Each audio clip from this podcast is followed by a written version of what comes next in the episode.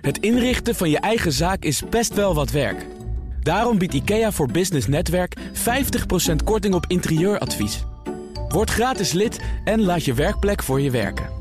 IKEA, een wereld aan ideeën. Nederland en Frankrijk praten over een verkoop van de Nederlandse aandelen KLM. Dat en meer in het boardroompanel vandaag bestaande uit Fieke van der Lek, commissaris bij Triodos Bank, Arriva Nederland en Achmea Vastgoed, toezichthouder bij Luchtverkeersleiding Nederland en ook hoogleraar pensioenmarkten aan de Vrije Universiteit. Fieke, jij verontschuldigde je net al, het wordt alleen maar langer. Sorry daarvoor. Het is um, weer gelukt. Steven Schuit, hoogleraar Corporate Governance aan de Nijrode Business Universiteit. En mijn zakenpartner is AG Telleman, managing partner bij Twijnstra Gudde en voorzitter van de Sportraad Amsterdam. Welkom allen. Laten we beginnen bij uh, corona. Dat kan ik zou bijna zeggen, helaas niet anders. Het kabinet is op dit moment bijeen voor crisisoverleg. We hoorden in het bulletin uh, Bobke Hoekstra, de minister van Financiën, zeggen dat er op verschillende manieren gekeken wordt naar hoe het bedrijfsleven daar zonder al te veel kleerscheuren doorheen zou kunnen komen. Deeltijdwerk, fiscaal, liquiditeit. Steven, straalt daar voldoende urgentie uit? Worden daar de goede dingen gezegd vooralsnog? Nee, ik vind dat Nederland daar uh, ernstig bij achterblijft. Uh, ondernemers, uh, trouwens de Nederlandse bevolking in zijn algemeenheid, zijn geen kleine kinderen. We weten best wat er in de wereld aan het gebeuren is. En uh, Rutte, die dan grappig zat te doen voor de televisie, is eerder een aanfluiting voor het begrip voor ons eigen verstand. Wanneer heb je hem grappig zien doen? Nou, hij heeft op een gegeven moment kondigde hij in een persconferentie aan dat je elkaar geen hand moest geven. Ah, ja. En toen vervolgens gaf hij wel een hand. En, ik, vond, ik, vond het ook echt grappig. Ja, jawel, maar het onderwerp leent zich niet echt voor dat nee, soort. Daar ben ik met je eens. Maar ja, het is denk ik wel een menselijke fout, toch? Uh, uh, menselijke fouten zijn toegestaan. Maar ik, het is wel dat, viral gegaan daardoor. Ik, we moeten eigenlijk wel het onderwerp veel serieuzer nemen. Het is niet gewoon een griepje. Het heeft, uh, naar, naar, mijn idee, best langdurige impact voor de economie. En het komt op, bovenop een toch al griezelige brexit. Die in volle gang wordt onderhandeld. Italië is al lange tijd instabiel en wordt nu volledig onderuit gehaald. Uh, dat is toch al een beetje het zieke boertje in de, uh, van de grote landen in de EU. We hebben een handelsoorlog gaande die nog steeds woedt. Uh, niet vergeten dat Amerika zich steeds dieper in die verkiezingen ingraaft. En dat dus Trump nog van alles uit zijn mouw kan halen om zijn, zijn, zijn, zijn, oorspronkelijke beloftes kracht bij te zetten. Nou moeten we voor die corona moeten we ook vrezen. Want dat is allemaal. Dat, dat, gebeurt toch ook wel? We hebben een noodfonds Europees gezien. Er zijn nationale overheden die zeggen: wij proberen de economie zo goed en zo kwaad als het gaat uh, overeind zullen, te houden. We zullen als Nederland voor het Nederlandse midden, uh, MKB zullen we maatregelen moeten nemen. En die zullen moeten bestaan, onder andere in fiscale uh, facilitering.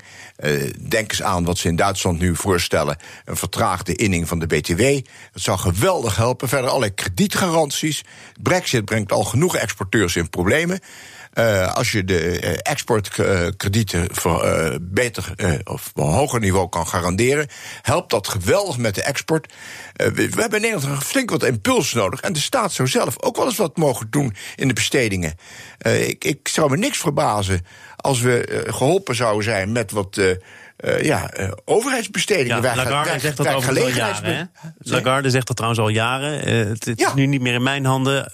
landen met een overschot Doe er wat aan. Nou, Steven, en jij bent het volgens mij met haar eens. Fieke. Ja, wat ik heel uh, interessant vind, wat we nu zien, is dat de economie ontzettend efficiënt was ingeregeld. Alles was just in time. En we hebben dus eigenlijk geen speling meer. We hebben geen buffers meer. Um, en degene die daar als eerste duidelijk voor gewaarschuwd is, uh, heeft, is uh, Taleb van de Zwarte Zwanen. Zegt we hebben meer buffers nodig.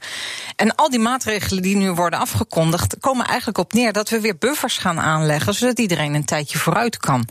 Dus de vraag is ook: moeten we uiteindelijk terug naar situaties waarin de bloemen van ochtends geplukt, s avonds verkocht en zo alles just in time wordt ingeregeld zonder enige speling? Of leren we hiervan dat hier en daar een buffertje best goed kan zijn voor als er eens iets raars gebeurt? En wat betekent dat voor wat we tot nu toe gewend zijn? Want dat just in time, dat is efficiënt, dat is uh, misschien ook wel goedkoop of dat er voor betere kwaliteit. Ja. Ik, ik, noem het maar. Dus hebben we geld over voor wat Taleb dan resilience noemt, dat je weerbaarheid hebt voor bijzondere situaties. Vicky, ik, ik hoop het enorm dat we dat ervan leren. Alleen ik ben daarover gewoon somber gestemd, want het brengt niks op. En, Volgens mij uh, moeten we dat ook scheiden. Volgens mij zitten we nu uh, in de crisis.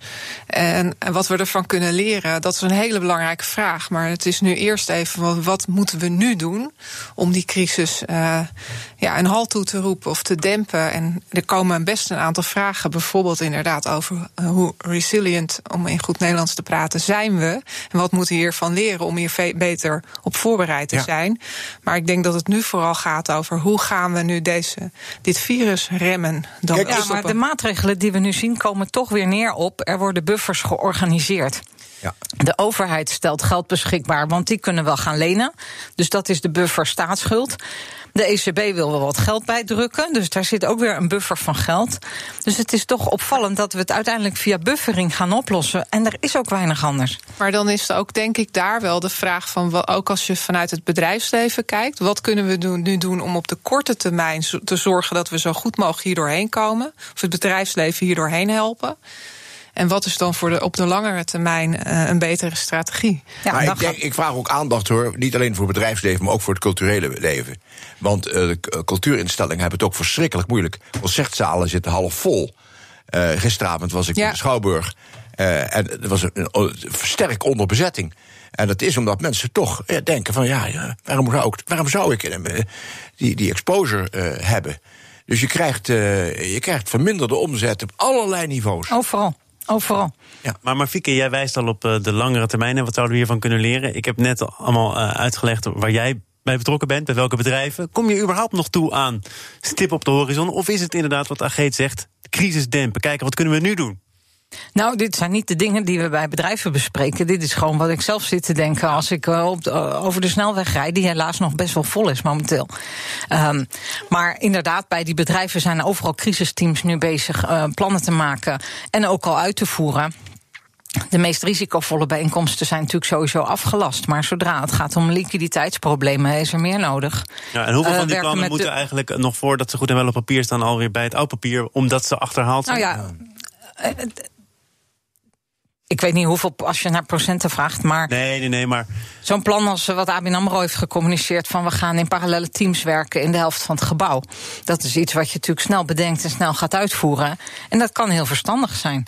Dus het, het kan van allerlei soorten maatregelen ja. zijn. plan B is niet meer voldoende. Je moet op nu moment ook een, C, een, plan C en een plan D hebben. Ja, Want dus- plan B, we gaan wordt als ABN gaan we uh, splitsen de, de werkvloer. Uh, de ene helft blijft thuis en de andere helft is op, de, op het bedrijf. Dat kan op een gegeven moment uh, te weinig. effectief zijn. En dan heb je een plan C nodig. Nee, je moet in scenario's denken in, deze situatie. ja. ja, dus wat je ook ziet, Kemp heeft bijvoorbeeld al een thuiswerkdag gedaan om gewoon de systeem eens een keer te testen.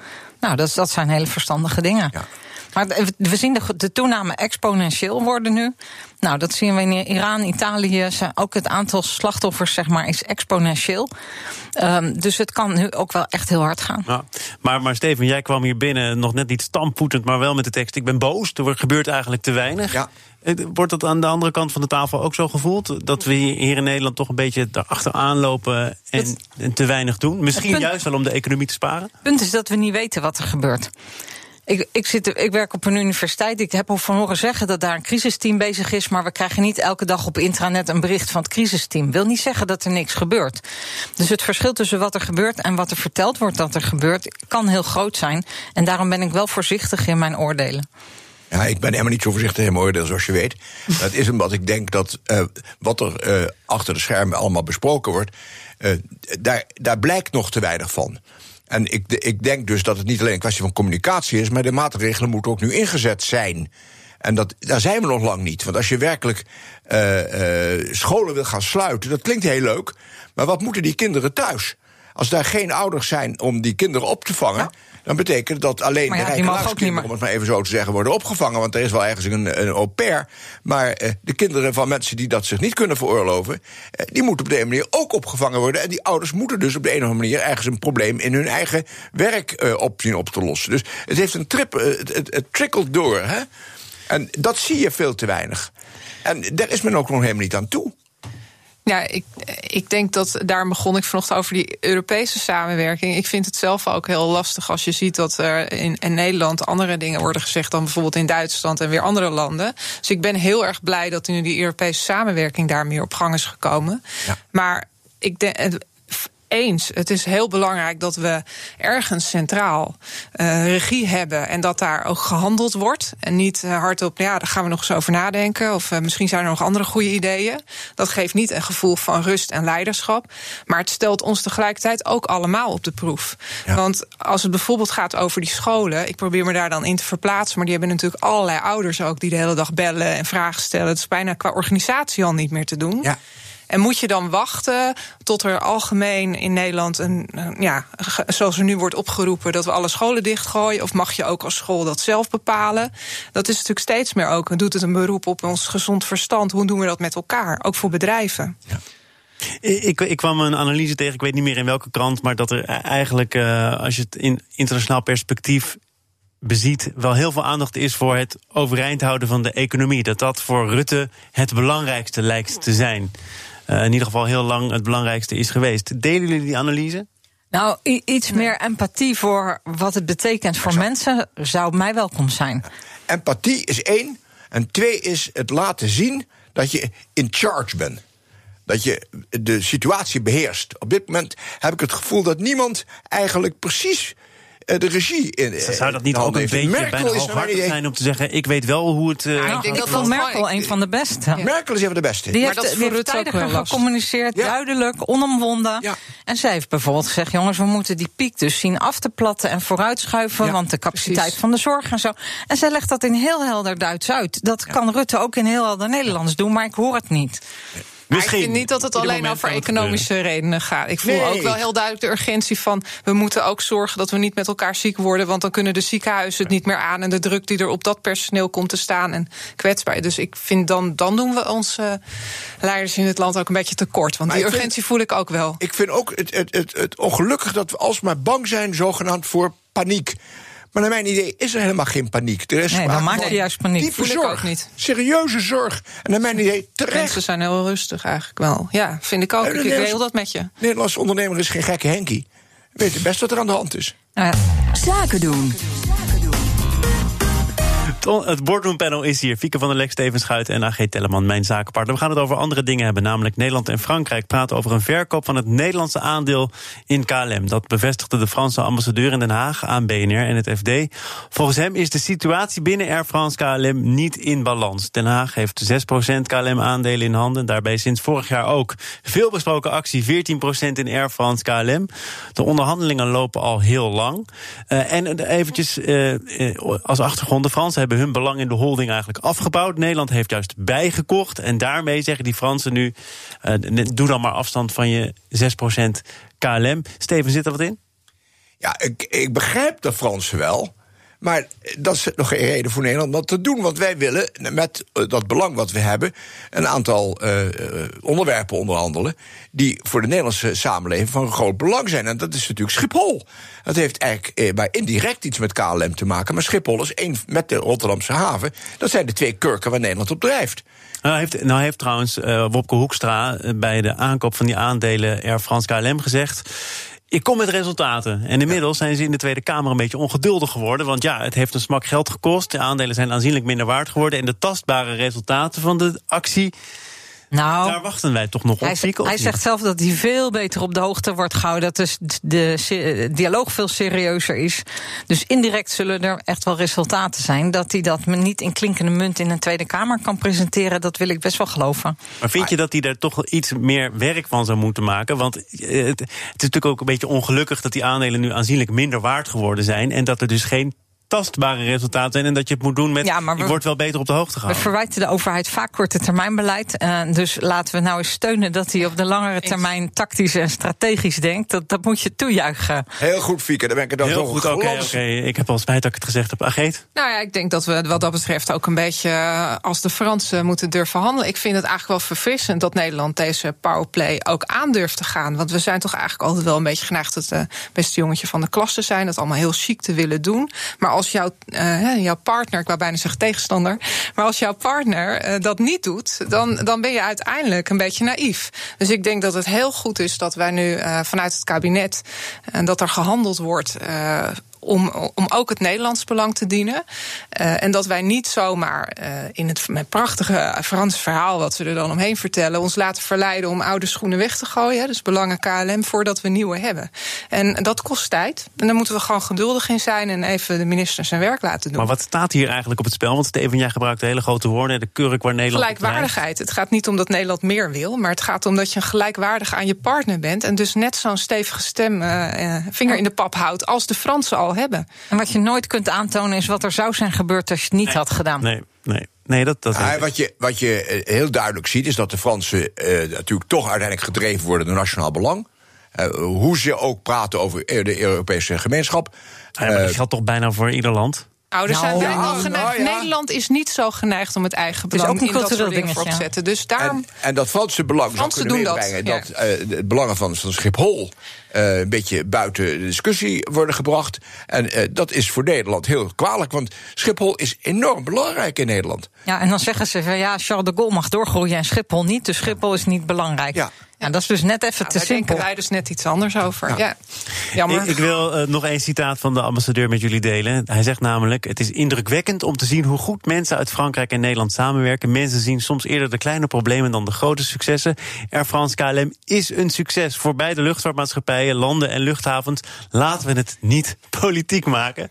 Tot Nou. zover, want het is natuurlijk politiek. En de vraag: is het een succes? Die gooi ik even hier in de groep. Geweldige manier om aan te geven dat hij wat meer respect voor Nederland heeft gekregen. Ik denk dat het onderwerp waar we over praten niet zuiver politiek is.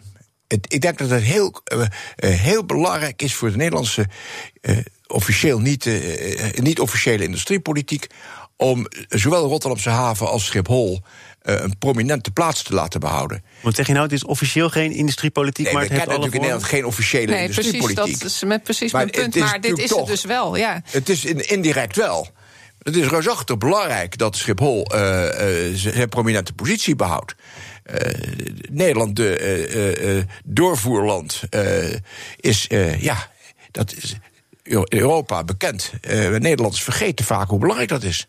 Fieke zag een bruggetje aankomen en ik denk het eigenlijk ook. Want uh, er is sprake van uh, nieuwe Europese industriepolitiek. Daar is uh, afgelopen weken de een en ander over naar buiten gekomen. Een, een nieuwe industriële strategie. De vorige ja. stamt uit 2017. Dat is nog geen eeuwigheid geleden. Maar de Europese Commissie vraagt zich voor de zoveelste keer af... kunnen wij nog wel concurreren met China met Amerika. De CEO van, uh, van Philips, van Hout, die zei... Uh, we zien spierballentaal in Amerika en China. Het wordt tijd dat Europa ook weer eens naar de sportschool gaat. Is dat de afgelopen week gebeurd als je kijkt naar die strategie, Fieke? Nou, de vraag is of industriepolitiek dan de goede vorm is. We hebben daar uh, in de economie al heel veel onderzoek naar gedaan. En de uitkomsten zijn echt niet gunstig. Gewoon omdat het heel moeilijk is om aan te wijzen wat de winnende sectoren zijn. En daar dan op de goede moment, op de goede manier in te investeren. Zodat dat ook winnende sectoren blijven. Dus een industriepolitiek is toch weer snel een potje geld verdelen en veel succes gewenst. En dan is het zeer de vraag of het gaat helpen. Hmm. Want uh, eventjes, wat is industriepolitiek uh, in 2020? Wat moet ik daaronder verstaan? Um, als, als het is wat ik vrees, dan is het we gaan subsidiepot maken en we gaan een aantal topsectoren aanwijzen en die krijgen extra steun. Uh, van ja, Houten toch nog een keer, want die heeft over die kampioenen en over sterke bedrijven. We vragen de EU niet om kampioenen aan te wijzen, maar wel om af te zien van regels die het bedrijven beleggen ja. om kampioen en dan te worden. gaat het om mededingingsregels. Dus de, dat zit, dat dus zit hem in de Dat iets anders. Dat is geen. Ja. Dat zit dus in het mededingingsrecht. Hè, dus uh, in de EU is geld tot dit moment dat je uh, die een combinatie van bedrijven, zoals bij Alstom en uh, uh, Siemens. Ja, de treinenfusie is dat. Een, een ja, treinenfusie. Dat, dat, recht is veel subtieler. Hè? Als het om innovatie gaat, zijn er allerlei uitzonderingen in het mededingingsrecht al lang bepaald. En Vestaar is de eerste om dat dan mogelijk te maken. Ja. Dus zij zit daar ook al flexibel in. En dan is de vraag toch even van wat zijn hier de belangen? Ik, de, ik denk dat je op dat punt nog best een stukje ruimte kan geven aan het bedrijfsleven om, om zich te bundelen. Want er zijn veel uh, uh, onderzoeken die je in Europa. Uh, in diverse landen op hetzelfde onderwerp ziet ontwikkelen. Denk eens even aan de, de accu, het, verlengen van de levensduur van de accu. Dat is een onderwerp waar wel wel, wel tien bedrijven in Europa mee bezig zijn. En als je die inspanning een beetje kan bundelen en daar wat ruimte aan geeft, dan denk ik dat je iets kan laten zien. Wat ze in Amerika of in China nog niet zo op die manier. ja, want daar, volgens mij zijn er inderdaad als, als ik het beluister en lees in de krant, zijn er twee dingen aan de hand. Volgens mij zeggen we. Uh, we komen erachter dat, dat, ondanks dat wij als Europa heel graag die wereldvrijhandel wilden, dat dat vanuit China en ook vanuit de VS niet meer zo beleden wordt. Of, of ook niet nu China welvarender wordt, er toch ja. protectionisme blijft. Hè? Dus het wordt geen vrije markt. Dus als de andere werelddelen dat niet doen, moeten wij dan als Europa ook niet protectionistischer worden. Ja. En dat wordt nu bijvoorbeeld. Je ziet Europa daar een beetje mee worstelen. Dan gaat bijvoorbeeld als wij, hè, wat als producten vervuilend zijn, laten we die dan toch de Europese markt binnenkomen? Of gaan we daar ingewikkelder over? Worden we daar protectionistisch in? Daar gaat volgens mij op de eerste plaats in. En ik denk dat het daar heel goed is dat Europa ook uh, nou ja, daar wat meer naar de fitness gaat. Om de CEO van Philips te uh, quoten. Maar de andere kant is, wat doe je dan binnen Europa? Als je daar industriepolitiek gaat voeren door middel van het subsidiëren van sterke bedrijven, sterke clusters, dan, ben dan is nog wel, aan het geven. Dan ben je staatssteun. En daar zie je nu ook Europa in worstelen. Dat zegt Timmermans ook letterlijk. We moeten bereid zijn om staatssteun toe te staan, met name in Midden-Europa. Kijk, en dat is een heel ander verhaal. Ja, want dan is, daar, daar hebben we echt in mededingingsrecht heel veel ervaring mee. Als je dan slechte bedrijven steunt via staatssteun, dan benadeel je goede bedrijven, want die kunnen niet meer winnen. Ja. Winners, niet losers. Dus je, daar moet je ontzettend mee uitkijken. Ja, maar en we hebben ook gezien wat er gebeurt als de politiek eroverheen gaat met de postfusie. Dat is ook niet wat we wilden. Laatste woord, Steven. Ja, eh, eh, natuurlijk eh, moet je uitkijken. Fieke, ik, ik ben met je eens. Je moet erg alert zijn als je staatssteun gaat geven. Maar uh, we kunnen best wel doen. Als de Chinezen het doen dan moeten wij het ook uh, kunnen. Want uh, anders uh, lopen ze dwars over ons heen. En dat dreigt nu te gebeuren. Ja, maar de vraag is dan, oh. hoe doen wij dat? Hoe stimuleren wij dan onze eigen economie? En dat Ik mag blijft meer zeggen. een open vraag, in ieder geval voor nu. Dank voor jullie komst. Fieke van der Lek, commissaris bij Triodos Bank, Arriva Nederland en Achmea Vastgoed. Toezichthouder bij de Luchtverkeersleiding Nederland... en ook hoogleraar pensioenmarkten aan de Vrije Universiteit in Amsterdam. Steven Schuit, hoogleraar Corporate Governance aan de Nijrode Business Universiteit. En mijn zakenpartner de afgelopen twee uur, AG Telleman. Managing partner bij Twijnstra Gudde en voorzitter van de Sportraad Amsterdam. Dank voor jullie komst. Graag gedaan. Dit was het uh, voor vandaag. Morgen dan is hier Erik Zevenbergen van Blijdorp. Dat dierenpark zat in 2012 in zwaar weer. Nu is het het beste evenement, de beste evenementenlocatie van Nederland. Er komt een masterplan aan om de komende tien jaar uit te groeien tot een dierentuin van wereldklasse. Morgen meer daarover in BNR Zaken doen. Zometeen eerst Nieuwsroom, onze dagelijkse podcast van het FD en BNR. Gepresenteerd door Mark Beekhuis. Veel plezier. Als ondernemer hoef je niet te besparen op je werkplek. Want IKEA voor Business Netwerk biedt korting op verschillende IKEA-producten. Word gratis lid en laat je werkplek voor je werken. IKEA, een wereld aan ideeën.